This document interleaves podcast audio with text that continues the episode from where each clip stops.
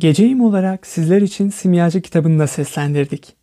Dilerseniz bu listeye Simyacı Kitap Seslendirmesi adıyla arayarak ulaşabilir ve hemen dinlemeye başlayabilirsiniz. Şimdiden iyi dinlemeler. Kitabımıza kaldığımız yerden dördüncü bölümden devam ediyoruz.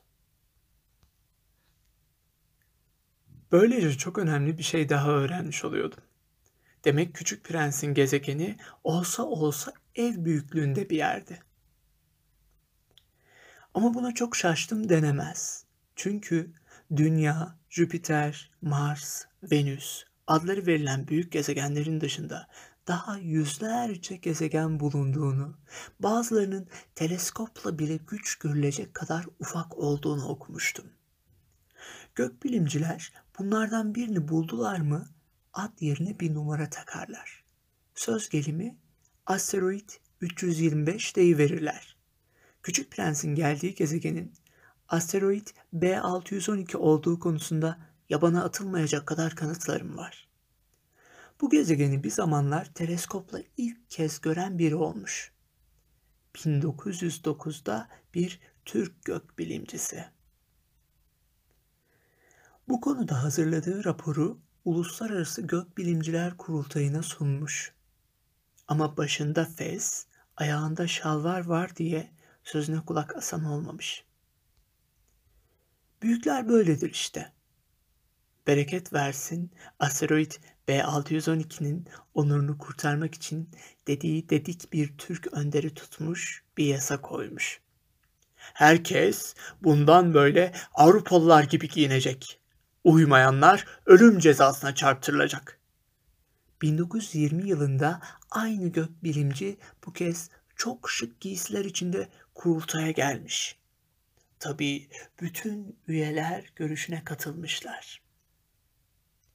Bu gezegenle ilgili bütün ayrıntıları size anlatıyorsam, üstelik numarasını da veriyorsam bunun nedeni yine büyükler. Büyükler sayılara bayılırlar.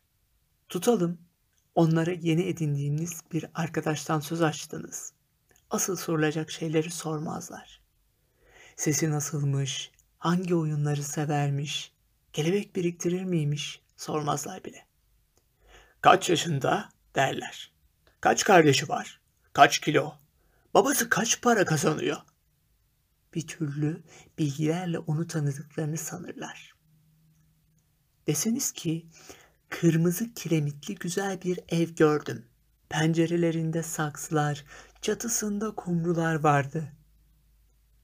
Bir türlü gözlerinin önüne getiremezler bu evi. Ama yüz bin liralık bir ev gördüm deyin. Bakın nasıl. Aman ne güzel ev diye haykıracaklar. Aynı şekilde onlara deseniz ki Küçük Prens'in sevimli oluşu, gülüşü, bir koyun isteyişi var olduğunu gösterir. Bir koyun istiyor, öyleyse vardır. Bunları deseniz de ne yarar? Nasıl olsa omuzlarını silkip size çocuk gözüyle bakacaklardır.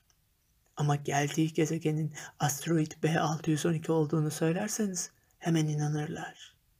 Sorularıyla başınızı ağrıtmazlar. Böyledir onlar. Çok şey beklememelisiniz. Çocuklar büyükleri hoş görmeye alışmalıdır. Oysa bizim gibi hayatı yakından bilen kişiler için sayılar nedir ki? Bu öyküye peri masallarındaki gibi başlamak isterdim. Yani şöyle. Evvel zaman içinde bir küçük prens varmış.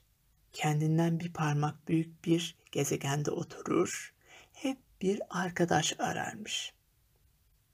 Hayatı yakından tanıyanlar için böyle bir başlangıcın daha gerçekçi bir havası olurdu.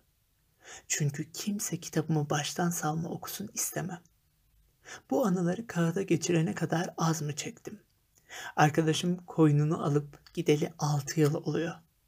Onu anlatmaya çalışmam unutmak istemeyişimdendir. İnsanın arkadaşını unutması ne acı. Kaldı ki arkadaşı olan kaç kişi var içimizde. Bir gün onu unutursam gözleri sayılardan başka şey görmeyen büyüklere dönerim. Bu yüzden bir kutu boyayla birkaç tane kurşun kalem aldım.